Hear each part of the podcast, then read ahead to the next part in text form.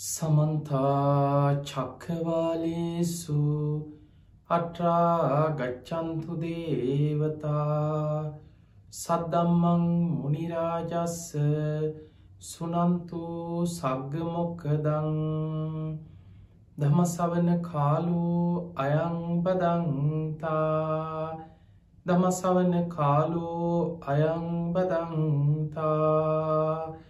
දමසවන කාලෝ අයංබදන්තා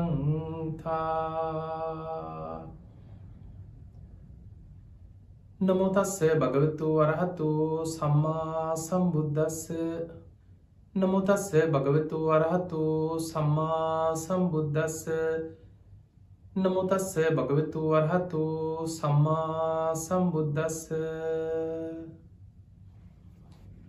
හැම දෙනාටම තෙරවාසන් ප්‍රාර්ථනා කරමින් අද ඔබ කළම්පු ටෙලිවිෂන් මෙත් සදහම් විකාශය උතුම් දායකත ධර්ම දේශනාවක් එක්කයි පින්වත් හැම දෙනාම එකතු වෙලාඉන්නේ. අද මේ ධර්ම දේශනාවේ පින්බර දායකත්තය දරන්න ඇමරිකා එක්සත් ජනපදයේ පදිච්චි පින්වත් පිරිසක් ති ඇමරිකා එක්සත් ජනපදයේ පදිංචි ටීකේ ප්‍රේමදාස ඒවගේම ප්‍රියංගා තල්පාවිල රවිංගා පෙරේරා සහ ශ්‍රී ලංකාවේ පදිංචි නර්මදා විජේසිංහ නර්මදා විජේසිංහ උපේක්ෂිකා කෞශල්ලයා බණ්ඩාර කියන මේ පිරිස එකතු වෙලා තමයි අද මේ ධර්මදානමේ පින්කම සිදු කරන්න. වසර විසිහකට පෙර ජූනි මස දහවනි දින පරලෝ සැපත්වන්නට එදුණු පාගොඩ පළවෙනි හරස් වීදිය පදිච්චිව සිටි ආර් ප්‍රේමදාස මහත්මියට ආදරණය භාරයාවට මෑණියන්ට ඒවගේම අත්තම්මාට පුුණ්‍යානුමෝදනා කිරීම සාමිය පරලෝගිය සියලූම සංසාරගත ඥාතීන්ට පින්දීම අරමුණක්. ඒවගේ මති ගෞරුණී දේශ කැරන් වහන්සේට නිදුක් නිරෝගී සම්පත්තිය දීර්ගාව සම්පත්තිය ලැබේවා කියලපිටත් ආශීර්වාද කරනවා. සුජීවත්ත සිටින ටීකේ ප්‍රේමදාස මහත්මාට ඒවගේම තොස්ලින් බොතේජු මහත්මිය සියලු ඥාතහිත මිත්‍රාදීන් හැම දෙනාටම නිදුක් නීරෝගී සම්පත්තිය දීර්ගාය සම්පත්තිය ලැබේවා කිනොතු මාශිර්වාදය ඒ පිංහතුන්ගේ අරමුණු අතර සඳහන් වෙනවා. තෙහෙම නගේ හැම දෙනාටමත් ඔබ හැම දෙනාටමත්. ධර්මය ශ්‍රවණය කරන ලක්වාසී ලෝවාසී හැම දෙනාටමත් මේ උතුම් ධර්මශ්‍රවණය නිවන්දොරටුවක් බවටම පත්වේවා කියල අපි මුලින්ම ආශිර්වාද ප්‍රාර්ථනා කරනවා. පිංහතුනේ අදාපි මේ ධර්මාණු ශාසනාවද ඔබට අප්‍රමාණ පිනක් රැස් කරගන්න භාවනාවක් පුරුදු කරගන්න කොහොමද කියන කාරණය මේ ධර්ම දේශනාව තුළ අපි කියලදේ. අපි කවුරුත් ඔබ මම අපි කවුරුත් මේ සංසාර දුකෙන් නිදහස් වෙන මාර්ගය පෙන්නන අපේ එකම ගුරුවරයා ලෙස අපි බුදුරජාණන් වහන්සේව සරණ ගිය එක පාරක් නෙමේනි අපේ බුද්ධන් සරණං ගච්ඡාමි දුති අපි දෙවනි වතාවටත් බුදුන් සරණ යන බුද්ධ සරණං ගච්ඡාමි. තති අපි තුන්ගනි වතාවටත් බුදුරජාණන් වහන්සේව සරණ යනවා කියලා තුනුරුවන් අපි සරණ යනවා බුද්ධ ධම්ම සංග කියන තුනුරුවන් සමඟ. බුදුරජාණන් වහන්සේගේ බුදුගුණ අපි පුංචි කාලේ ඉදං අපේ දෙමවපියෝ ඔබ බෞද්ධෙක්න අපි ගෙවල්ලොල බුදුන් අදිනකොට පන්සලට ගියාම බණහනකොට මේ හැමතැනම අපි ඉතිපිස්සෝ භගවාරහන් සම්මා සම්බුද්ධෝ කිනොයි ගාථාව අපි අහලතිය. බොහෝ බෞද්ධයන් බුදුන් වදිනකොට මේ ගාථාව කියලා ගෙවල්ල බුදුන් වඳනවා මේ ගාථාව කටපාඩ.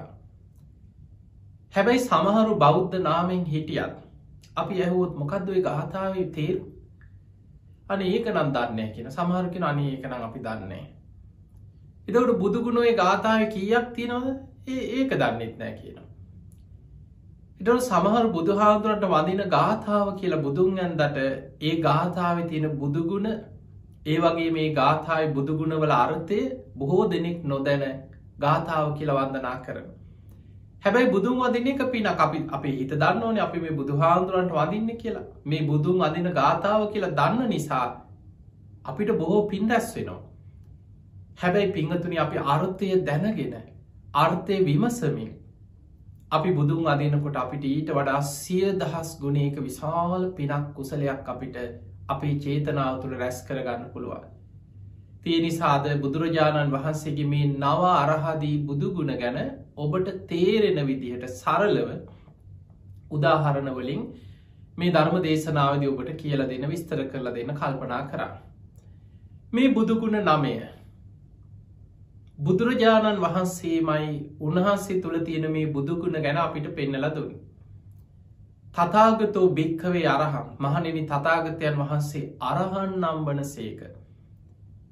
තතාගතෝ භික්කවේ සම්මා සම්බුද්ධෝ මහන්නේ තතාගතයන් වහන්සේ සම්මා සම්බුද්ධ වන සේක. තතාගතෝ භික්කවේ විද්‍යාචන්න සම්පන්නෝ මහනෙනි තතාගතයන් වහන්සේ විද්‍යාචන්න සම්පන්න වන සේක. තතාගතෝ භික්කවේ සුගතෝ මහනෙනි තතාගතයන් වහන්සේ සුගත නම් වන සේක. තතාගතෝ භික්කවේ සම්මා සම්බුද්ධෝ. තතාගතයන් වහන්සේ සම්මා සම්බුද්ධයි. ඒ වගේම ලෝකවිදෝ අනුත්තරෝපොටිස දම්ම සාර්ථී සත්තා දේව මනුස්සානම් බුද්ධ බග ඔය ඔක්කෝම බුදුගුණ හැබැයි කෙනෙකුට හිතන් පුලම් බුදුහාන්දුරන්ට ඔච්චරද තිබ්බ කියලා. නෑ පිංහතුනි බුදුගුණ අනන්තයි. ඒ අනන්ත බුදුගුණ ඔබටවත් මටවත් රහතන් වහන්සේ නමකටවත්. අඩුමගාන අසූ මහ ශ්‍රාවකයන්ට අග්‍රශ්‍රාවකයන් වහන්සේලාටවත් පරිපූර්ණව බුදුගුණ ගැන තේරුම් ගන්න බෑ. ඒ අයට බුදු හාන්දුරු ගැන සද්ධාව තියෙන අචල සද්ධාව. හැබැයි බුදුගුණ ගැන පරිපූර්ණව තේරෙන්නේ තවත් ලෝතුරා බුදු කෙනෙකුට පමණයි. එනිසා ධර්මී සඳහන් වෙනවා මෙන්න මේ විදි උපමාවකින් බුදු හාන්දුරු පෙන්න්නනවා කල්පයක් ආවිශ ඇති කාලෙම මහා කල්පයක් පුරාම ආවිශ ඇති බුදු කෙනෙමක උපමාව. එවැනි කාලික ලෝතුරා බුදු කෙනෙක් පහළ වෙලා ඒ බුදුරජාණන් වහන්සේ වෙන කිසිම කාරණයක් දේශනා නොකර බුදුගුණ ගැනම ධර්ම දේශනා කරන. එක දිගට බුදුගුණ ගැනම බණ කියනවා. කල්පය අවසන් වෙනවා ආවිස අවසන් වෙනවා හැබැයි බුදුගුණ අවසන්වීමක් වෙන්නේ කිය. මේ උපමාව. ඒ උපමාවෙන් අපිට තේරෙනවා එහෙම නම් ඔබ මම අපි කවුරුත් දන්න ඉතාම ස්වල්පයයි. ඒ දන්න ස්වල්පය හරි අපිට සිහි කරන්න පුළුවන්නන් අප්‍රමාණ පිනක් රැස්සෙනවා. බුදුරජාණන් වහන්සේ පෙන්වේ මයි සද්ධහ මත්තන් සද්ධහ මාත්‍රය. මයි පේම මට්ටන් බුදුරජාණන් වහන්සේ ගැන ප්‍රේම මාත්‍රයක් කෙනෙක්ගේ හදවතේ බුදුරජාණන් වහන්සේ ගැන ඇති කරගන්න පුළුවන්නම් සබ්බේතයේ සග්ග පරයි සියරු දෙනා සුගතිකාමී වෙන. අපි මේ බුදුගුණ නමය එකින් එක විස්තර ඇතුව තේරුම් ගම්. පළවෙනි බුදුගුණේ නවාරහදී බුදුගුණවල මෙතන තියෙන අර අනන්ත බුදුගුණ කොටස් නමයකට කැටි කරලා තියෙන. ඊට අමතර අපි බුදු හාදුරන්ගේ චතු විසාරධ ඥාන ගැන කතා කරනවා. දස බලඥානයන් ගැන කතා කරනවා. සූවිසි ප්‍රත්ති ඥානයන් ගැන කතා කරනවා තිසැත්ත ඥාන ගැන කතා කරනවා අනන්ත බුදුගුණ බුද්ධ ඥානයන් තියෙනවා. හැබැයි ඒ අතර අපි වන්දනා කරන මේ ඉතිපිසෝ ගාථාව තේරුම තමයි අද අපි මේ සරලෝබට කියල දෙන්න උත්සාහගන්න. මොකද මේ ගුණ නමය තේරුම් ගත්තොත් ඒ ගුණ නමේ මෙනෙහි කිරීම තුළම භාවනාව ඒකට ගැන බුද්ධානුස්සති භාවනාව වැඩෙන ඔබට. පළවෙනි බුදුගුණය අරහම් බුදුගුණේ මේ අරහම් බුදුගුණ අපි තේරුම් ගන්න ඕනෑ. එක කොටස් කීපයක් තියෙනවා. මෙන්න මේ විදියට අපි තේරුම්ගම් අරහං. අරහං කියලා කියන්නේ රාග දවේශ මෝහාදී සියලු ක්ලේෂයන් ප්‍රහාණය කරපු නිසා බුදුරජාණන් වහන්සේට අපි කියනවා අරහන් නම් වන සේක. මේ දීර්ග සංසාර ගමනේ කෙලවරක් නොපෙනෙන සසර ගමනේ මේ හිතේ අපි කවුරුත් ඉපදමින් මැරමින් සංසාරය යන්නේ මේ රාග දවේශ මෝහාදී ක්ලේෂ ධර්මයන් නිසා. එතකොට මේ සියලු ක්ලේෂයන් ආශ්‍රවත් එක් එකැන මේ හිත ඇතුළේ කොහෙවත් අයි ඉතුරු එච්ච දෙයක් කියලනෑ. කෙලෙස් ප්‍රහාණය කරද්දි අනුසය හැටියට ආශ්‍රව හැටියට කිසිවක් ඉතුරු නොවී සියලු ක්ලේෂයන් ආශ්‍රව සහිතවම සම්පූර්ණයෙන්ම ප්‍රහාණය කරගත්ත නිසා අපි උන්වහන්සේට කියනවා අරහං කියලා. ඊළඟ ගුණේ තමයි උන්වහන්සේ රහසිංවත් පවුන කොළ ඒ අරහන් ගුණේම ඊළඟ කාරණ.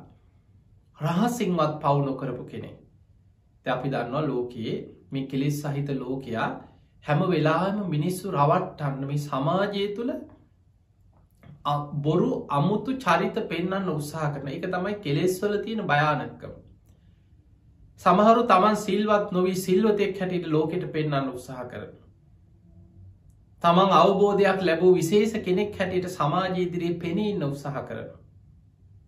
බුදුරජාණන් වහන්සේ රහසිංහ දැම් බලන්න කෙනෙකුට සමාජි මිනිස්සුන් මොන විදිහට යා ගැන මවාගෙන හිටියත් එයා රහසේ හැංගිලා පව් කරන්න පුළුව. බුදු හාදුරු පෙන්න්න මහණනි මේ ලෝකයේ තමන් ගැන සම්පූර්ණයම දන්නේ තමන්. ඔබ හොඳට හිතල බලන්න මේක ඇත්තද බොරුද කියලා ඔබ ලෝකෙට මොනවා කිව්ව සමාලාට ඔබ කියන්න පුළන්නේ මගේ මහත්තය මං ගැන දන්න මගේ බිරිඳ දන්නවා මං ගැන හැමෝම දන්නවා හැබැයි ඔබ කාටත් නොකියන දේවල් ඔබේ ජීවිතය තුළ ඕන තරන් ඇති. ඔබත් එක්කම සැඟවිලා යන දේවල් ඇති ජීවිතේ. හැබැයි ඔබ ඔබ ගැන දන්නේ යම් සේද ඒ විදියට මේ ලෝකෙ දෙවිවරු ඔබ දිහා බලනවා ඔබ දිහා දකිනවා. මොකද දෙවියන් දකින්න ඔබේ හරත සාක්ෂිය. ඒ නිසා ඔබ කියන කරන දේවල් සියල්ල දෙවියන් දකිනවා. පිංහතුනේ අපේ බුදුරජාණන් වහන්සේ රහසිංවත් පවුනො කළ සේක. උන්වහන්සේ කිසිම විදිහකින් රහසේවත් පුංචිම පුංචි පවක්කත් කරපු කෙනෙක් නෙමේ ඒ නිසා අපි උන්වහන්සේට කියනවා අරහං කියලා කියනවා. ඊළඟ අරහංගුණේ තවත් තේරුමක් තමයි ආමිස්ස පූජා ප්‍රතිපක්ති පූජා මේ දෙව් මිනිසුන්ගේම. ආමිස ප්‍රතිපක්ති පූජා පිළිගන්න උන්වහන්සේ සුදුසුයි. දැන් ඔබ බලන්න බුදුහාදුරු පිරිනිවන් පාල අදට අවුරුදු දෙදස් පන්සිය හැට ගාන උන්වහන්සේට තව කොච්චරනම් අදටත් බුද්ධ පූජාවල් තියෙනවද? අද සමහරු බුද්ධ පූජාව දැකලක් කේන් තියනවා අපරාධනම මෙච්චර මේ අපරාධකීකි. ඒ උන්වහන්සේගේ සසර පින උන්වහන්සේට ලැබෙන ලැබීම. උන්වහන්සේගේ නාමයට පවා උන්වහන්සේ වෙනුවෙන් පින්තූරෙකට උන්වහන්සේ වෙනුවෙන් හදාගත්ත මේ බුදු හාමුදුරුව කියලා හිතෙන් මවාගෙන හරි හදාගත්ත බුද්ධ ප්‍රතිමා වහන්සේ නමකට අද බුද්ධ පූජ අබෝධීන් වහන්සේට ත්‍රවිධ චෛත්‍යයන්ට සාරීරික පුවාරිභෝක උද්දේශික මේ ත්‍රිවිධ චෛත්‍ය උදෙසා මිනිස්සු කොච්චර නම් පුද පූජා කරනවාද? වැඳුම් පිදුම් කරනවාද? අද උන්වහන්ස වෙනුවෙන් මල් දවසකට කෝටි ප්‍රකෝටි ගනම් ගණන් කළ නොහැකි මල් ලෝකයේ බෞද්ධයන් උන්වහන්සේ වෙනුවෙන් පූජ කරන උන්වහන්සේ වෙනුවෙන් කොච්චර නම් පහන් දැල් වෙනවාද? උන්වහන්සේ වෙනුවෙන් ලෝකෙ කොච්චර සුවඳ පූජා කෙරෙනවාද? උන්වහන්සේගේ සිල් සුවදට උන්වහන්සේගේ උතුම් ප්‍රඥා ලෝකයට ආලෝක පූජා කරන මිනිස්සු. ඒවගේම උන්වහන්සේ වැලඳුවෙන් නැතත් බුදුහාන්දුරු පිරිණම් පල හැබැයි බුදුගුණ සිහි කරගෙන අදත් ගිලම් පස පූජ කරනවා. උදෑසන දානි දෙනවා දහවල් දානය පූජ කරනවා. බොහෝ ගෙවල් වල පවා පන්සල්ලොල විතරක් නෙමේ මිනිස්සු අදටත් බුදුරජාණන් වහන්සේ වෙනුවෙන් ආමිසයෙන් ප්‍රතිපක්තියෙන් පූජා කරන ආමිස පූජා විතරක්නේ ප්‍රතිපක්ති පූජා උන්වහන්සේව සිහි කරගෙන අපි සිල් රකිනවා. ඒ බුදුහාන්දුරන්ගේ ධර්මය අහලා අපි හික්මෙනවා. සීල සමාධි ප්‍රඥාවට නො ඒ උන්වහන්සේ වෙනුවෙන් කරන ප්‍රතිපක්ති පූජාව. එතකොට මේ ලෝකයේ දෙව් මිනිස්සුන්ම ආමිස පූජාවලින් ප්‍රතිපක්ති පූජාවලින් පුද පූජා ලබන්න තරන් සුදුසුම කෙනා තමයි මේ ලෝක පහළවෙච් ඔබත් මම සරණග අපේ බුදුරජාණන් වහන්සේ. අන්නේ නිසා උන්වහන්සේට අපි කියනවා අරහං කියල.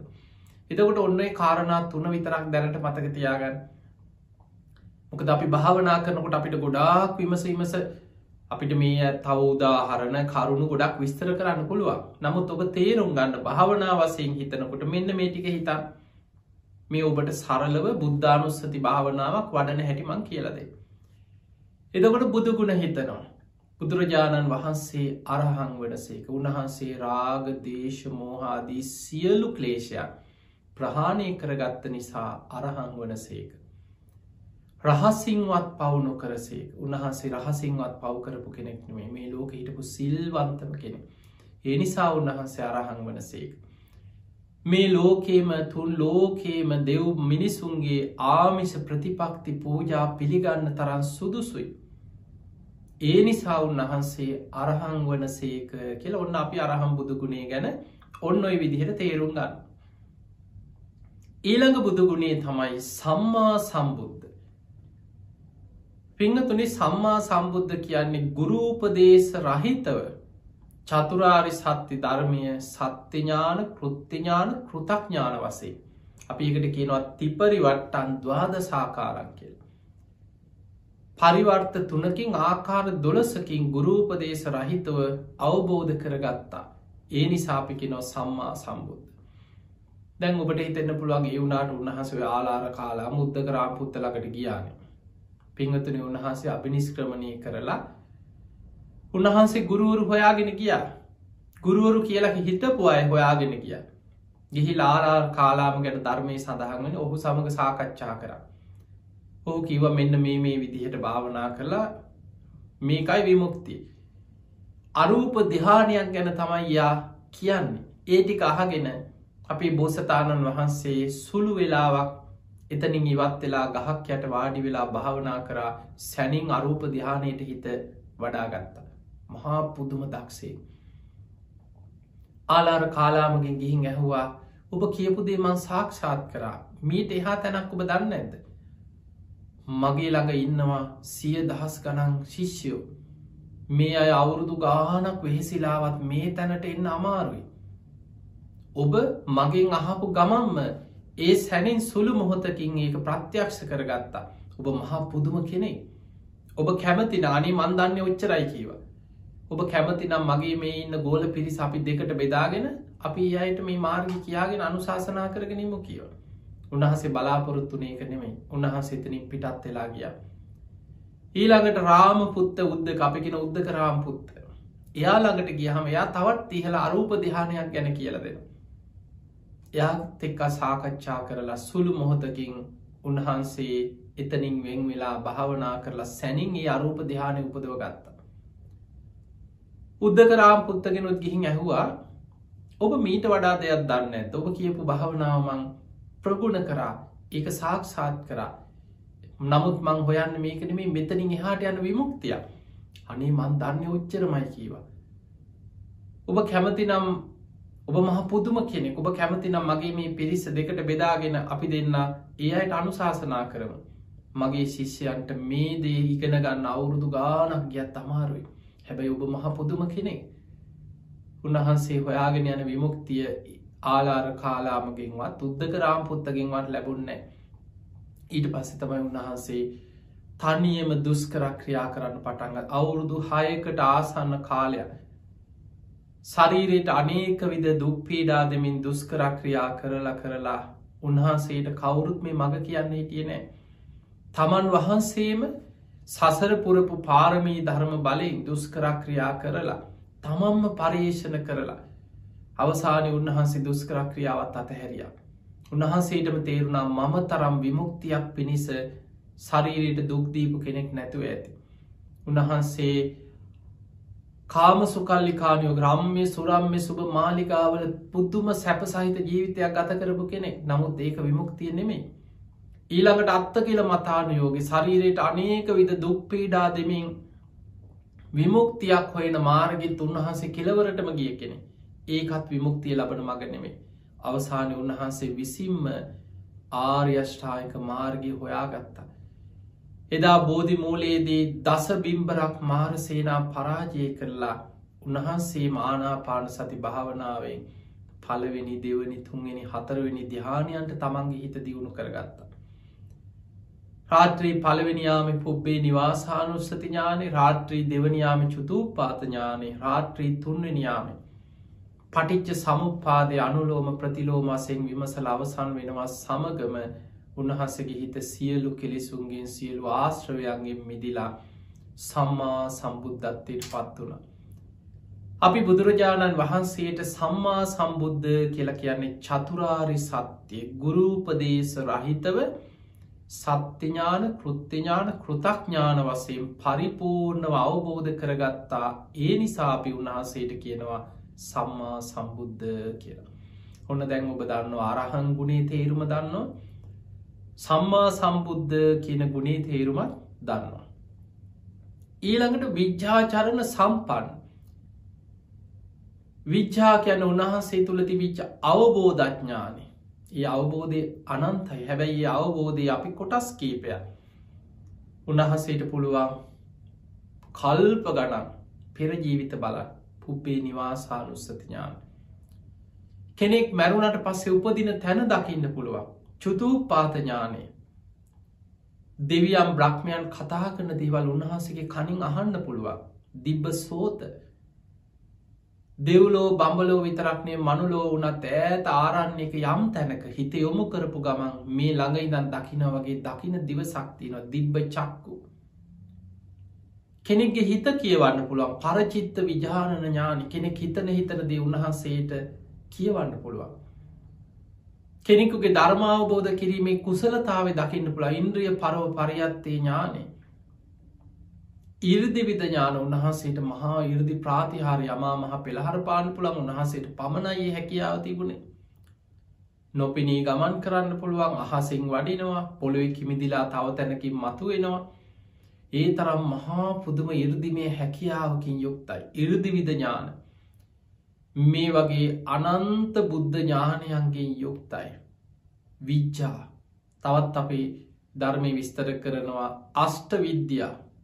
ඒ ඒ තියෙන ඥානයන්ගේ හැකි හැබැයි උන්වහන්සේ තුළ ශ්‍රාවකයන් තුළත් ඒවැ යම් යම් හැකිය අවපදවන හැබැයි බුදු හාමුදුරුව තුළ තියනේ හැකියාව අනන්තයි අප්‍රමාණයි. ඊළඟට පසොලොස් චරණ ධර්ම කියල අපේ විද්‍යා චරණ කියන උන්වහන්සේගේ හැසිරීම. සරලෝ තේරුම්ගම් අවබෝධයට ගැලපෙන සිල්වත් ජීවිතයකින් යුක්තයි. අවබෝධයට ගැලපෙන ජීවිතයක් උන්වහන්සේ තුළ තිබුණ. අපි හිතම සාමාන්‍ය නිකන් ලෝකෙ දිහා ගන්න. අපි නිකං හිතනවා මහා ප්‍රාඥ්ඥයෙක් මෙයා මෙයා මහා උගතෙක්. මෙයා තමයි ඉන්න මහා බුද්ධිමතා කියලා හිතුවට කෙනෙක් ඉන්න පුළුවන් මහාචාරය මහා විද්‍යාඥය හැබැයි ඊට ගැලපෙන චරිතයක් නෑ. ජීවිතය ගත්ත එක පව් ජීවිතය ප්‍රශ්නාවුල්. එක්ක කේන්ති යන චරය එක්ක මානසිකාබාධයක් තියෙන චරිතයක්. එක්කෝ අමු බේබද්දේ. එක්කො සල්ලාලේක. සමා සාමාන්‍ය සමාජ බුද්ධිමතුන් ඥානවන්තයම් මහා උගතුන් ප්‍රාඥ්ඥයන් කියලා දකින පුද්ගලයන්ගේ බුද්ධිය තිබුණට චරිතය අවුල්. කොහේ හරි ප්‍රශ්නයක් තියෙන. හැබැයි මේ විශ්වය මේ ලෝකෙ පහළ වෙච්ච අවබෝධයට වගේම සීලේනුත් දෙවියන් බඹුන් මරුන් සහිත ලෝකෙ උන්වහන්සේ තරන් සිල්වත් කෙනෙ උන්වහන්සේගේ ඉන්ද්‍රිය සංවල සීලේ ඊළඟට පමණ දැනගෙනේ දානය වලඳන ඒ හැම දෙයක්ම ඉන්ද්‍රිය සංවර සීලේ ප්‍රාතිමෝක්ෂ සංවර සීලේ උන්වහන්සේගේ මේ පසුලොස් චරණ ධර්මයන් සියල්ල උන්වහන්සේ මහා පුදුම සිල්වත් කෙනෙ. ඒ නිසාපි කියන විච්චා චරණ සම්පන්න සරලෝභ තේරුම් ගන්න අවබෝධයට ගැලපෙන සිල්වත් ජීවිතයකින් යුක්තයි. උන්වහන්සේගේ අවබෝධඥානයක් පුබේ නිවාසානුස්සති ඥාන චුතූපාතඥානය ආසවක්කේ ඥානය දිබ්බ චක්කු දිබ්බ සෝත පරචිත්ත විජානන ඉරදිවිත ඥාන ඉන්ද්‍රිය පරෝ පරියත්තේ ඥානය ආදි අනන්ත බුද්ධ ඥානයන්ගෙන් යුක්තයි. ඒ අවබෝධයට ගැලපෙන මේ ලෝකෙ පහළ වෙච්ච සිල්වත්ම ඉන්ද්‍රිය සංවරයෙන් යුක්ත සීලවන්තම කෙන. ඒ නිසාපි කියනවා විච්චා චරණ සම්පන්න කියලා කියන්නේ. ඊළඟට අපි සරණග ඔබ මම සරණග අපේ බුදුරජාණන් වහන්සේ සුගත සුගත කියන ගුණයෙන් යුක්තයි. සුගත කියලා කියන්න මේ ලෝකෙ සුන්දරම නිවන් මග උන්වහන්සේ හොයාගෙන ඒ මගේ ගමන් කළ නිවනට පත් වුණ. ඒ නිසාපි කෙනවා සුගතෝ කිය. මේ ලෝක එක එක මාර්ග තින සමහරු යනවා අකුසල් කර කර නිරේගාමී මාර්ගය කියන ඔයා කෙලවර වෙන්න නිරේ. සමහරු සිතකාය වචනින් අකුසල් කර කර පවකං කර කර යනවා ප්‍රේත ලෝක උපදින මාර්ගයාගේ කෙලවර පෙරේත අපායට වැටල ඉවරවේ. කෙනෙක්ගේ මාර්ගය තිරිසල් ලෝක උපදින මාර්ගය කියන ඔයාගේ කෙලවර තිරිසං අපායට වැටල ඉවරවේ. තව කෙනෙක් සද්ධහදී ගුණ ධර්ම දියුණු කරමින් සීල් රකිමින් ගුණපුරමින් යනවා මනුස්සලෝක උපදින මාර්ගයා මරණින් මත්‍ය ආය මනුස්සලෝක උපදින්. තව කෙනෙක් සද්ධහා සීල සුත්ත තියාග ප්‍රඥා වඩාගෙන දෙව්ලොව හිත පිහිටවාගෙන පින්කරගෙන දෙව්ලොව යන මාර්ගය කියන ඔයා මරණින් මත්තේ දිවිය තලයක උපදිනවා. තව කෙනෙක් ඉන්නවා භාවනා කළ සමත භාවනාවෙන් දිහාන වඩාගෙන රූපී බ්‍රහ්ම තලයක උපදින මාර්ගය වඩනු. එයා මරණින් මත්තේ රූපී බ්‍රහ්ම තලයක උපදින්. තව කෙනෙ අරූප දෙහන වඩනු. ආකාසානංචායතන විඤ්ඥානංචායතන ආකින්චඥායතන නීව සංඥානා සංඥ අරූප ධ්‍යාන වඩන යා මරණින් මත්තේ අරූපී බ්‍රහ්ම තලයක උපදින. හැබැයි මේ සියලු මාර්ගයන් අතර නිවනට තියෙන මඟ ඒකායින අයම් භික්කවේ මක් වූ මහනෙන එකම මාර්ගයක් තියෙනවා. සත්තානං විසුද්ධිය මේ සත්‍යයන්ගේ හිත් කෙලෙසුන්ගෙන් පිරිසිදු කරගන්න. සෝක පරිද්ධවාන සමතික්කමයි සෝක වැලපීමලින් නිදහස් වෙන්න. නිබ්බානස්ස සච්චි කිරියාය නිවන සාක්ෂාත් කරගන්න එකම මගක් තියෙන. ඒ මාර්ග උන්වහන්සේ හොයාගත්තා ඒ සුන්දර නිවන් මග සම්මාධිට්ටි සම්මා සංකප්ප සම්මා වාචා සම්මා කම්මන්ත සම්මා ආජීව සම්මා වායාම සම්මා සති සම්මා සමාධි කියන මේ අංගයන්ගෙන් යුක්ත සුන්දර නිවන් මඟ උන්වහන්සේ හොයාගෙන නිවනට පත් වනා. ඒ නිසාපි කෙනවා සුගතෝ කියලා. දැන් ඔන්න අපි බුදුගුණ කීපයක් කතා කර. අරහං සම්මා සම්බුද්ධ විද්‍යාචරණ සම්පන්න සුගතෝ කියන බුදුගුණ. ඊළඟට ඔබ මම සරණග අපේ බුදුරජාණන් වහන්සේ ලෝකවිදූ කියෙන බුදුගුණෙන් යුක්තයි. ලෝකවිදූ මේ ලෝකය ගැන මේ විශ්වය ගැන පරිපූර්ණ අවබෝධයකින් යුක්තයි වගේම සියලු ලෝකයන්ගෙන් නිදහස් වෙන මාර්ගයක් හොයාගත්තා ඒ මාර්ගයෙන් උන්වහන්සේ සියලු ලෝකයන්ගෙන් මිදුණ. සියලු ලෝකයන් පරිපූර්ණව අවබෝධ කරලා ඒ මෝකයන්ගේ මිදෙන මාර්ග හොයාගත්තා. පිංහතුනී අපේ බුදුරජාණන් වහන්සේ දේශනා කරනවා මේ හිරු සඳුගේ ආලෝකයේ විහිදෙන පරාසය තුළ සත්වයන් උපදින තල තිස්ස එකක් ගැන. සත්‍යයන් උපදින තල තිස්ස එකක්. මනුස්සලෝක එකයි. නිරය තිරිසල් ලෝකය ප්‍රේත ලෝක අසුර අපාය කියලා දුක්විදින සත්‍යයන් උපදින අපායවල් හතරක්තිය භාවනා කරලා පින්කරපු අය උපදින දිවියතල් හයක් තියෙනවා. චාතු මහරාජික තාවතින්සේ යාමේ තුසිතය නිම්මාන් රති පරණින්මිත වසවඇති දිවිය ලෝක හයක්තිය. ඊළඟට පළවෙනි දෙවනි තුන්වෙනි හතරවෙනි දිහාන ලබල උපදින රූපී බ්‍රහ්මතල දාසයක් තියෙන. අරූපාවච්චර බ්‍රහ්ම ලෝක හතරක් තියෙන. එතකට ඔන්නඔයි තල තිස්සෙහෙක යුක්ත ලෝක ධාතු එකට කියනවා චූලනිකා ලෝක ධාතුව. බුදු හාමුදුරන්ගේ අවබෝධය කියන අපිට හිතාගන්නවත් බෑ. උන්හන්සේ ලෝක දහතු විඤ්ඥාපන කෙන සූට්‍ර පෙන්න්නනවා ඒ වගේ දස දහසක් ලෝක ධාතු ගැන මේ වගේම තල තිස්ස කියවත් දස දහසක්. සහස්ශ්‍රී ලෝක ධාතු. ඒක තවත් ගුණ කරන්න කෙන දස දහසකින්. දිවි සහස්ශ්‍රී ලෝක ධාතු. ඒක තවත් දස දහසෙන් ගුණ කරන්න. එකතු කරන්නේ ගුණ කරන්න.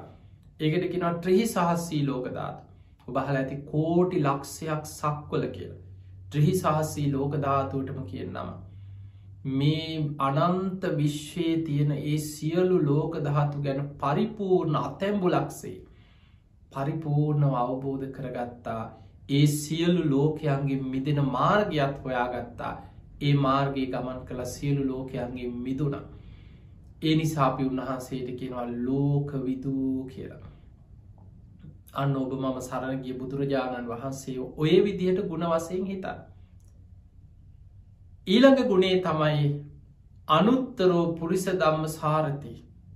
බුදුරජාණන් වහන්සේ මේ ලෝක අකීකරු දෙව් මිනිස්සුන්ග නිවන පිණිස හික්මුවන්න දමනය කරන්න දක්සයි දක්සප් කෙන. සම හැබැයි පින් ඇති අය. සමහර පෙර පව් අකුසල් බලවත් පින නෑ නිවනට සසර පින් කරපු නැති කෙනා බුදු හාමුදුරන්ගේ බුදු ඇසට යොමු වෙන්නේ හැබැයි සසර පින් කරපු කෙනා ඒ ජීවිතයේ සමහර වෙලාවට යම් අකුසලයක් නිසා මොන්න මොන දෘෂ්ටි දරාගෙන හිටියක් බුදුරජාණන් වහන්සේ පෙර පින් තියෙනවනම් එයා කොහොමහරි දමනය කරන. බුදු කෙනෙක් පින් ඇති අයව නිවන පිණිස හික්මුවන්න ප්‍රාතිහාර තුනක් යොදාගන්නවා. ආදේශනා ප්‍රාතිහාරය අනුශාසනා ප්‍රාතිහාරි ඉර්දි ප්‍රාතිහාරය බුදුරජාණන් වහන්සේ අතරින් කැමතිම අනුශාසනා ප්‍රාතිහාරයක ප්‍රාතිහාරයක් ධර්මී කියලදීම. මුල මැදාග පිරිසිදු අර්ථ සහිත පැහැදිලි ප්‍රකාශන මහද්දයකින් යුක්ත සාත්තන් සභ්‍යාංජන පාරිසුද්දම් බ්‍රහ්මචරියම් පකාසිති පිරිසිදු නිවන් මගම කියල දෙෙන. ධර්මයම දේශනා කරන දහම් මගම කියල දෙෙන. ඒකට තයි බුදු හාන්දුරකැම ඒ ධර්මය අහලා දුස්සීලායි සිල්වත් වනා. විසිරෙන හිත් ඇති අය හිත් සමාධිමත් කරගත්තා. අයාලගිය මිනිස්සු ඒ අතහැරලා ධර්මමාර්ගයට පැමිණුණා. මේ ලෝකෙ මහා දරුණු හුරු අපරාධ කරය ඔක්කොම අතහැරලා සිල්වතුන් වුණා. නිවන් මග ගමන් කරා බුදුහාදුරන්ගේ අනුශාසනා ප්‍රාතිහාරය බනහල. සමහරයින්න පින් තියනවා එක පාට ධර්මයකිවට පිළිගන්න බුදුරජාණන් වහන්සේ යා හිතන හිතන දෙයාගේ සිත කියවනවා. ආදේශනා ප්‍රාතිය බුදුහාදුරන් පුළුවන් එයා හිතන හිතන දේ දකිින්. එතකොට එයා දමනය වෙලා ධර්මයට යොමු වෙනවා. ඒ විදිහට බුදුරජාණන් වහන්සේ කෙනෙක්ව දමනය කළ ධර්මමාර්ගයට හික්මෝන. සමහරයි බුදුරජාණන් වහන්සේ ධර්ම මාර්ග හික්මෝ ගන්නවා ඉරුදි ප්‍රාතිහාර පාල. එහෙමත් දමනය කරන්න අමාරු අයට තමයි ඉරදි ප්‍රාතිහාර පාල දමනය කරන්න අංගුලි මාල දමනය ආලවක දමනය ඔය වගේ ඔබ ගොඩාක් දේවලුබට මතක්කෙයි බුදුරජාණන් වහන්සේ කොහොම හරි පින් ඇති අයි ඉන්නවද ලෝකයේ ඒ අය දෙව් මිනිසුන් අතර ඉන්න පින් ඇති අයව නිවන පිණිස හික්මුවන්න මේ ලෝක ඉන්න දක්සම කෙනා. ඒ නිසා උන්වහන්සේට කෙනා අනුත්තරෝ පුරිස ධම්ම සාරති. කෙ නිවන පිණිස මේ මනුස්්‍යයන් දෙව් මිනිසුන් හික්මුවන්න ලෝක ඉන්න දක්සම කෙනා ඔබ මම සරණගිය අපේ බුදුරජාණන් වහන්සේ. උන්වහන්සේ නිසානය අදත් ඔබ මේ බණහන්නේ. අද අපි උන්වහන්සේගේ ධර්මය තුළ හික්මිලා ඉන්නේ. ඒ නිසයි ඔබ බුදුන් අදන්න ඔබ සිල්ඩකින්නේ බණහන්නේ පින් කරන්නේ ගුණධර්ම පුරන්නේ ධර්මමාර්ග හැසිරෙන්නේ ඒමනම් අපි උන්වහන්සගේ අනුශාසනාව තුළ අදත් දමනය වෙච්ච පිරිසක් අනුත්තරෝ පුරිස දම්ම සාරති ඊළඟ බුදුගුණේ තමයි සත්තා දේව මනුස්සාන සත්තා කියන්නේ ශාස්තෘන් වහන්සේ කාගෙද දේව මනුස්සාන දෙව් මිනිස්සුන්ගේම ශාස්තෘන් වහන්සේ ඒමනම් මතක තියාගන මේ මනුස්සලෝක ඉන්න අපේ විතරක් නිවන් මඟ පෙන්න්නන ගුරුවරය නෙමේ. දෙවියන්ට නිවන් මඟ පෙන්නන්නේ බුදුරජාණන් වහන්සේමයි. දෙව් බමුන්ටම එතන දිවිය කියලගත්තාම දිවිය බ්‍රහ්ම තල දෙකම. එනිසාන අප කැනෙ තුන් ලෝකාග්‍ර කියල මේ තුන් ලෝකේටම පහළ වෙච්ච නිවන් මඟ පෙන්නන ගුරුවරයා ශාස්තෘුවරය බුදුරජාණන් වහන්සේ සත්තා දේව මනුස්සාන අන්න ඔබ නිතර සිහි කරන්න. උන්වහන්සේගේ ශාස්ෘත් එහෙනම් අද අපේ ගුරුවරය කවුද බුදු හාමුදුරු. උන්වහන්සේ පිරිනිවන් පානකොට ගුරුවරයෙක් හැටියට අපිට ධර්ම විනේ ගුරු තනතුරට පත් කරා. බුදුන් දකින්න කියලා පෙන්නුවේ යෝ දම්මම් පස්සති සෝමම් ධර්මයෙන් බුදුන් දකින්න. ඒ ධර්මය අපි ශාස්ෘුවරය කරගෙන හැසිරෙනවනගේ ධර්මයෙන් අපිට බුදු හාමුදුරන්ව දකින්නත් පුළුවන්. යමෙක් බුදුන් දැක්කා කියනවනගේ ඒ කාන්තෙම ධර්මයම දැකපු කෙනෙකේ ධර්මය අවබෝධ කරගත්ත කෙනෙ ඒනම් අදාපිට ශාස්තෘන් වහස නමක් වැඩ ඉන්න ඒ තමයි මේ ධර්ම විනේ ඒ ධර්ම විනේ තුළ බවංකව හැසිරෙනවනං ඒ ධර්ම විනේ තුළ හික්මෙනවනං අන්න ඔබත් අනුත්තරෝ පුරිස දම්ම සාරති බුදුරජාණන් වහන්සේගේ ධර්මය තුළම දමනය වෙච්ච ඒ නිවන් මග යන ඒ වගේම සත්තා දේව මනුස්සාන දෙව් මිනිස්සුන්ටම නිවන් මඟ පෙන්න්නපු ගුරුවරයා වෙච්ච බුදුරජාණන් වහන්සේගේ ධර්මය හික්මෙන පිරිසක්. ඔය බුදුගුණ නිතර හිතන දැන් අපි බුදුගුණ ගොඩක් කතා කර. ඊළඟ බුදුගුණේ අපි මේ බුදුගුණ නමේම තේරුම් අරගෙන ආයි සරලව තේරුම් ගම. ඊළඟට බුද්ධ කියන බුද්ධ කියන්නේ අවබෝධ කරගත් ධර්මය ගුරු මොෂ්ටියක් හැටියට ගුරුවරයාගේ කොටස කියලා යමක් හංග ගන්න ඇතුව දෙව් මිනිසුන් ගැන මහා කරුණාවෙන් ලෝකෙට දේශනා කරා ඒ නිසාපි කියනව බුද්ධ කියලා. බලන්න බුදුරජාණන් වහන්සේගේ දින චරියාව දවසේ පැයි දෙහිකටත් අඩු කාලයක් සිංහ සයාවෙන් සැතපෙන්. උන්වහන්සේ මහා කරුණාවෙන් උන්වහන්සේට බුදු වෙලා වැඩහිටි අවුරුදු හතලිස් පහේ උන්වහන්සේට විවේකයක් කියලා දවසේ පැයි දෙහෙකටත් අඩු කාලයක් සිංහ සයාවෙන් සැතපුුණේ. හිමිදිරි උදෑසන මහා කරුණා සමාපත්තියට සම්වයිදිල ලෝක දිහා බලන කාට දදමම් පිහිටවෙන්. කවු දද දවසි ධර්මය අවබෝධ කරන පින්වන්තමා යුදුම් ගනන් ඒ අය හොයාගෙන උන්වහන්සේ වඩිනවා. ඒ මගතොටේ හම්බෙන අයටත් ධර්මය කියලා නිවන් මඟ කියලා ධර්මය හික්මෝන. ඊළඟට උන්වහන්සේ දහවල පින්ඩ පාති වඩිනවා ඒ මගතොටේ හම්බෙන අයට දහම් දෙසනවා. හවස් කාලෙ දම්සභා මණ්ඩ පීරෑ වෙනකං රාත්‍රී දහයි විතර වෙනකං භික්‍ෂු භික්‍ෂුණී උපාසක උපාසිකාවන්ට දහම් දෙසනවා. රාත්‍රී දහයිදම් පාන්දර දෙක වෙනකම් මැදියම් යාමීම දෙව් බමුන්ට වෙන් කරලා තිබුණ. දෙවියම් බ්‍රහ්මයන් ඒ අයගේ ප්‍රශ්න ගැටලු අරගෙන බුදුරජාණන් වහන්සේ මුණ ගැහෙන්නේ නවා. ධර්ම කරුණු විසඳගන්න. උන්වහන්සේ අයට නිවන් මඟ කියලා දෙනවා. පිංහතුනි බුදුරජාණන් වහන්සේ අවබෝධ කරගත් සියල්ල ගුරු මුෂ්ටියක් නැ නිවන් අවබෝධයට අදාළ සියල්ලම අපිට දේශනා කර. දැන් අම්ම කෙනෙක් දරුවෙකුට ආදරය අම්ම කෙනෙක්. තියෙන හැම එකම කවන්නේ නෑන හැම එකම ගැන දැනගත්තත් ඒවත් තෝරලා බේරලා අවශ්‍යමදී දරුවට අවශ්‍යමදේ ගුණවත්මදේ පෝෂණයෙන් උතුම්මදේ දරුවට දෙනවා. ඒ වගේ තමයි බුදුරජාණන් වහන්සේ මේ විශ්වය ගැන සියල්ල අවබෝධ කර. හැබැයි අනවශ්‍ය දේවල් වැඩකට නැති දේවල් මිනිස්සු පැටලෙන දේවල් ඔළුවත් අවුල්ලෙන දේවල් බුදු හාමුදුරේව දේශනා කරේ එනිසයි බුදුරජාණන් වහන්සේ අර ඇක්ටේරයා වනයකදි කොල ටිකක් අතට අරගෙන භික්‍ෂූන් වහන්සේලාට පෙන්න්න මහනෙනි තතාගතයන් වහන්සේගේ අවබෝධඥානය මේ මහා වනාන්තරේමති නැක්ටේරයා කොළහා සමානයි. එහෙම හිතාගන්න හැබැයි නුබලට දේශනා කරන්න මෙන්න මේ වගේ මේ අල්ලෙ තියෙන කොල ටික වගේ ටිකක්. ඒකට හේතු මේ අනෙක් කිසිවක් අවබෝධයට උපකාර වෙන්න. නිවනට උපකාර වෙන්නේ කෙලෙස්සුන්ගේ මිදෙන්න්න උපකාර වෙන්න සංසිදෙන්න්න උපකාර වෙන්න විමුක්තිය කරයන්නේ එකක්කත් උපකාර වෙන්න හැබැයි නුබලට නිවනට උපකාර වෙන ධර්මාවබෝධයට උපකාර වෙන සසරදුකින් මිදෙන්න්න උපකාර වෙන සියල්ල තතාගතයන් වහන්සේ දේශනා කරනවා. දේශනා කරලා බුදුරජාණන් වහන්සේ පිරිනිවන් පාන වෙලාවෙත් දේශනා කරන ආනන්දේ.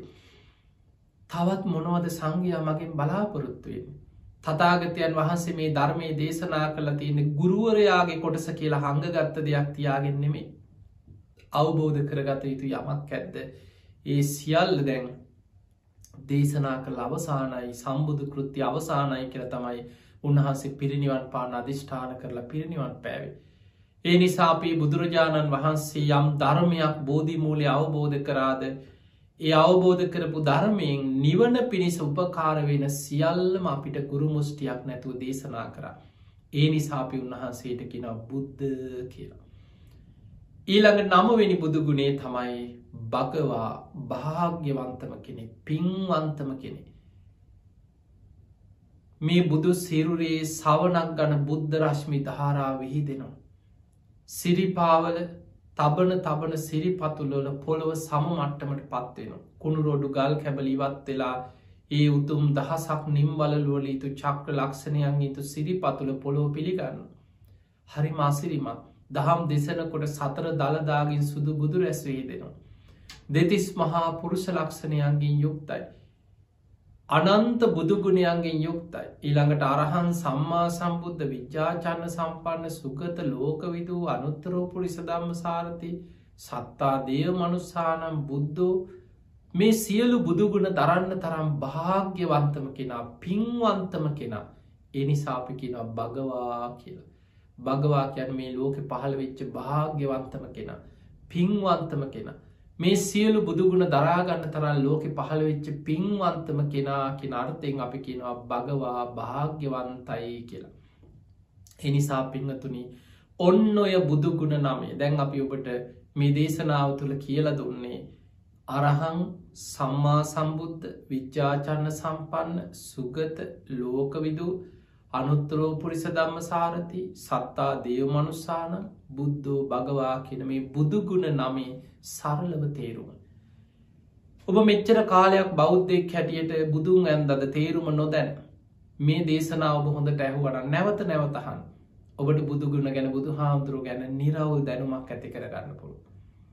මේ දැනුම හිතේ ඇති කරගෙන බුදුන් අදින්න එතකොට ඔබ බුදුගුණ කියනකොට ඉතිපිසෝ ගාථාව කියනකොට ඔබට අර්ථ වැටහෙනවා. අර්ථය මෙනෙහි වෙනවා.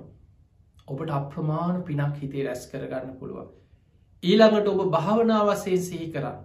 ඔබ පුටුවක වාඩි වෙලා හිටියත් මන් සරණගේ බුදුරජාණන් වහන්සේ අරහන් සම්මා සම්බුද්ධයි විද්‍යාචන්න සම්පන්නයි සුගතෝ ලෝක විදු බුදුගුණ හිත ඒ හිතනකොට අර්ථය වැටහෙන ඔබට එහෙම සිහි කරනකොට ඒ ඒ බුදුගුණවල අර්ථ දැන් ඔබ දන්න නිසායවයි කියන්න ඔබට තේරෙනවා වැටහෙනවා අන්න එතකොට ඔබ තුළ වැඩෙන්නේ බුද්ධානුස්සතිය භාවනාව බුදුගුණ සිහි කරනවා කියලා කියන්නේ බුද්ධානුස්සතියක භාවනාව ඔබ ඔය විදිටම ධර්මී ගුණ ඉගෙනගෙන ධර්මී ගුණ සිහි කරනවන ඒකත් භාවනයකටගෙන දම්මානුස්සතිය.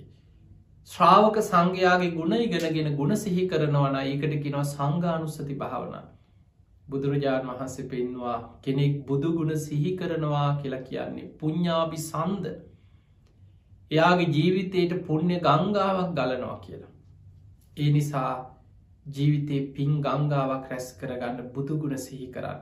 ඔන්න ඔය විදියට බුදුගුණ ගැන තේරුම් ගන්න සරලව බුදුන් අදින හැම වෙලාම ඒ ගුණවල අර්ථ මෙනෙහි කරන්න අරහංස ගුණ සම්මා සම්බුද්ධ ගුණේ විද්‍යාචන සම්පන්න බුදුගුණේ සුගත බුදුගුණේ ලෝකවිදු අනුත්තරෝ පුරිස දම්ම සාරති සත්තා දේව මනුස්සාන බුද්ධෝ භගවා මේ බුදුගුණ නම එකින් එක සිහි කරන්න මෙනෙහි කරන්න ඔබට නැවත නැවත මේ දේශනා අහනකොට සරලව තවත් ඒ බුදුගුණ ගැන තේරුම් ගන්න පුළුව.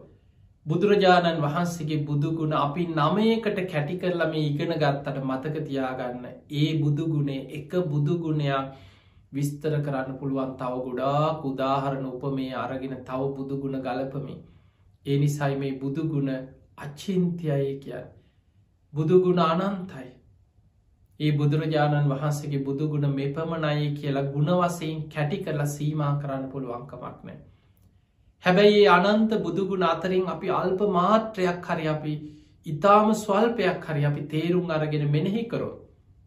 ඒකෙන් රැස්වෙන විපාකයක් අනන්තයි අප්‍රමාණයි. බුදුගුණ අචින්තය අචින්තියේසු පසන්නානම් විපාකෝහෝති අචින්තියෝ. ඒ අචින්තිය බුදුගුණ ගැන හිත පැහැතුනොත් ඒකෙන් ලැබෙන විපාකයක් අචින්තියයි. එනිසා පිංහතුනී ඔබ ඔබේ ජීවිතයත් අපි දන්නවා මේ වෙලා ලෝකෙ පුරා මහා භයානක වසංගතයක් පැතිරීම කාලෙ. ලෝක මිනිස්සු හන්ත අසරණ වෙච්ච කාලේ. ඔබ බුදු ගුණයක් හරි සිහි කරගන්න පුළුවන්නම් ඔබට අප්‍රමාණ පිනක් රැස්වෙන. මතක තියාගන්න බුදුරජාණන් වහන්සේ දේශනා කරනවා මහනෙන යමෙක් මරණ මංචකය ඔහුට බුදුගුණ සිහි කරගන්න පුළුවන් වුණොත් කරපු දහසක් අකුසල් යටපත්වෙනවා. කරපු දහසක් අකුසල් යටපත් වෙලා බුදුගුණ සිහි කරපු කෙනාට බුද්ධානුස්සති භාවනාවෙන් ඒ පින මතු වෙලා යා සුගති යන. මේ වෙලාවේ කෙනෙක් අසර නුණු ලෙඩක් දුකක් හැදුනොත් ඔබ කළ යුතුදේ ඔහුට බුදුගුණ සිහි කරවන්න. ඔබ ලෙඩ වුණොත් ඔබ බුදුගුණ දන්නවනම් ඔබ නිතරම බුදුගුණම සිහි කරන්න බුදුගුණ මනසිකාරයමේ දෙෙන් ඔබට විශාල රැකවරණයක් පිහිටක් කුසලයක් ඒ නිසා පින්වතන මේ ලැබිච්ච මනුස්ස ජීවිතය අපි දන්නේ නෑ කවදක් කොත්තන කොයි මොහොතේ මොන විදියට අපිට අහිමිවිද අපි කවුරුත් දන්න. ඒ නිසා අපි වාසනාවත්තයි ලෝකෙ පහළවෙච්ච කලාතුරකින් ලෝකෙ පහළ වෙන බුදුරජාණන් වහන්සේ නමකගේ බුද්ධ ශාසනයක් පවතින කාලෙ අපි මනුස්ස ලෝකට ඇවිල්ලයි බුදු හාමුදුරුව ගැන අපේ හිත පැහැදුනා. අපිට බුදුගුණ අහන්න හරි ලැබෙනවා. හිත පහදවගන්න ලැබෙනවා දෑත් එකතු කළ බුදුන් අදින්න පිනක් අපිට ලැබුණ. ඒ වගේ ඔබ ධර්මය ශ්‍රවණය කරනවා ධර්ම දානමය පින්කං කරනවා මේ රැස් කරගන්න සියලුපි ඔබ හැම දෙනාටමත් ඔබේ ඥාති හිතමිට්‍රාදි සියලු දෙනාටමත් නිවන් අවබෝධය පිණිස ධර්මාවබෝධය පිණිසම උපකාරවේවා වේවා කියලපි ආශිර්වාද කරනවා ඒමනම් පින්වතුනි අද ධර්මශ්‍රවනින් ඔබ රැස් කරපත් සියලුපේ සියලු දෙවියෝ සාධු කාරදිදීමේ පින් අනුමෝදන් වෙත්වා. ඒ දෙවියන්ගේ පිහිට රැකවරණ ආශිර්වාද ඔබ හැම දෙනාටම ලැබේවා ලැබේවා කියලපි ආශිර්වාද කරනවා. තින් අද මේ ධර්ම දේශනාවේ පිම්බරදාය කති දරන්න ඇමරිකායක් සජ්ජනපදයේ පදිංචි TK ප්‍රේමදාස ප්‍රියංගා තල්පාවිල රවිංගා පෙරේරා සහ ශ්‍රී ලංකාවේ පදිංචි නර්මදා විජේසිංහ උපේක්ෂිකා කෞශල්ය බණ්ඩාර කියන මේ පින්වත් පිරිස එකතු වෙලා තමයි අද මේ ධර්මදාන මේ පින්කම සිදු කර. ඒ හැම දෙනාට මස් සියලු දෙවියන්ගේ පිහිට රැකවන තුනුරුවන්ගේ ආශිර්වාදයම ලැබේවා කියලපි ආශිර්වාද කරනවා. එයාගේ අරමුණ තමයි වසර විසිහකට පෙර ජූනි මාසේ දහවෙනි දින. පල්ලෝ සැපත්වන්නට එදුණු පාගොඩ පළවෙනි හරස් වීදී පදිංචිව සිටි ආර් ප්‍රේමදාස මහත්මියට. ආදරණය භාරයාවට මෑනියන්ට තමත්තම්මාට පින් අනමෝදන් කිරීමේ දරුවන්ගේ මුණපුරන්ගේ උතු මරමුණු අතර සඳහන් වෙනවා. තිගේ මෑනියන් ඇතුළු සංසාරගත පරම්පරාගත සියලු මියගේ ඥාතී සාධු කාරදිතීමේ පින් අනමෝදන් වෙත්වා ඒ අයගේ පරලොව ජීවිත සැපවත් ඒවා සූපත් ඒවා සංසාරදුකින් අතමි දේවා කියල සාදු කියලා පින් දෙන්න අතිකවරුණී දේශකයණන් වහන්සේට නිදුක් නීරෝගී සම්පත්තිය තුනුරුවන්ගේ ආශිර්වාදය උතුම් ධර්මාවබෝධීම ලැබේවා කියල අපිටත් ආශිර්වාද කරන මේ පිංහතුන් ඒ වගේම සුජීවත්ව සිටින ටකේ ප්‍රේමදාස මහත්මා තොස්ලින් බොතේජු ඒ වගේම මහත්මිය සහ සියලු ඥාතීන්ට සුජීවත්ත ඉන්න පවුල්ල හැම දෙනාටම නිදුක් නිරෝගී සම්පත්ති තුළුවන්ගේ ආශිර්වාදය ලැබේවා කියෙන ආශිර්වාදිතින් එහෙමනන් ටීකේ ප්‍රේම්දාස මහත්මා ප්‍රියංගා තල්පාවිල මහත්මිය රවිංගා පෙරේරා ඇමරිකායක් සජ්‍යන පදී පදිංචිමේ පිංහතුන් ඒවගේම ශ්‍රී ලංකාව පදිංචිව සිටින නර්මදා විජේසිංහ උපේක්ෂිකා කෞශල්‍ය බණ්ඩාර කියන මේ හැම දෙනාමත් ඔබ හැම දෙනාමත් ධර්මින් ශ්‍රවණය කරපු සියලු දෙනාමත් කළම ටෙලිවිෂන් මෙත් සඳහම් විකාශය දරුවන් හැම දෙනාම අපේ පේස්බුක් පිටුව YouTube චැනලේ ඔස්සේ මේ දේශනා ශ්‍රවණය කරන ලක්වාසී ලෝවාසි ලක්ෂ සංඛ්‍යාත හැම දෙනාටමත් අප්‍රමාණ බුදුගුණ සිහිකරගෙන බුද්ධානුස්සතියම වඩාගෙන අප්‍රමාණ පින්දහම් රැස් කරගෙන උතුම් ධර්මයම දියුණු කරගන්න වාසනාව ලැබේවා ලැබේවා ලැබේවා කියලපි ආශීර්වාද කරනවා. ආකා සට්හාචකුම්මට්හා දේවානාගා මහිද්දිකා පුഞ්ඥන්තං අනුමෝදිත්වා චිරන්රක්කන්තු ලෝක සාසනං. ආකා සට්හාජිබුම් මට්හා දේවානාගා මහිද්දිකා පුഞ්ඥන්තං අනුමෝදිත්වා චිරන්රක්කන්තු දේශනං. ආකා සට්හාජිබුම් මට්හා දේවානාගා මහිද්දිකා පුഞ්ඥන්තං අනුමෝදිත්වා චිරන්රක්කන්තුතුවං සදා. හැම දෙනාටම සම්මා සම්බුදු සරණයි.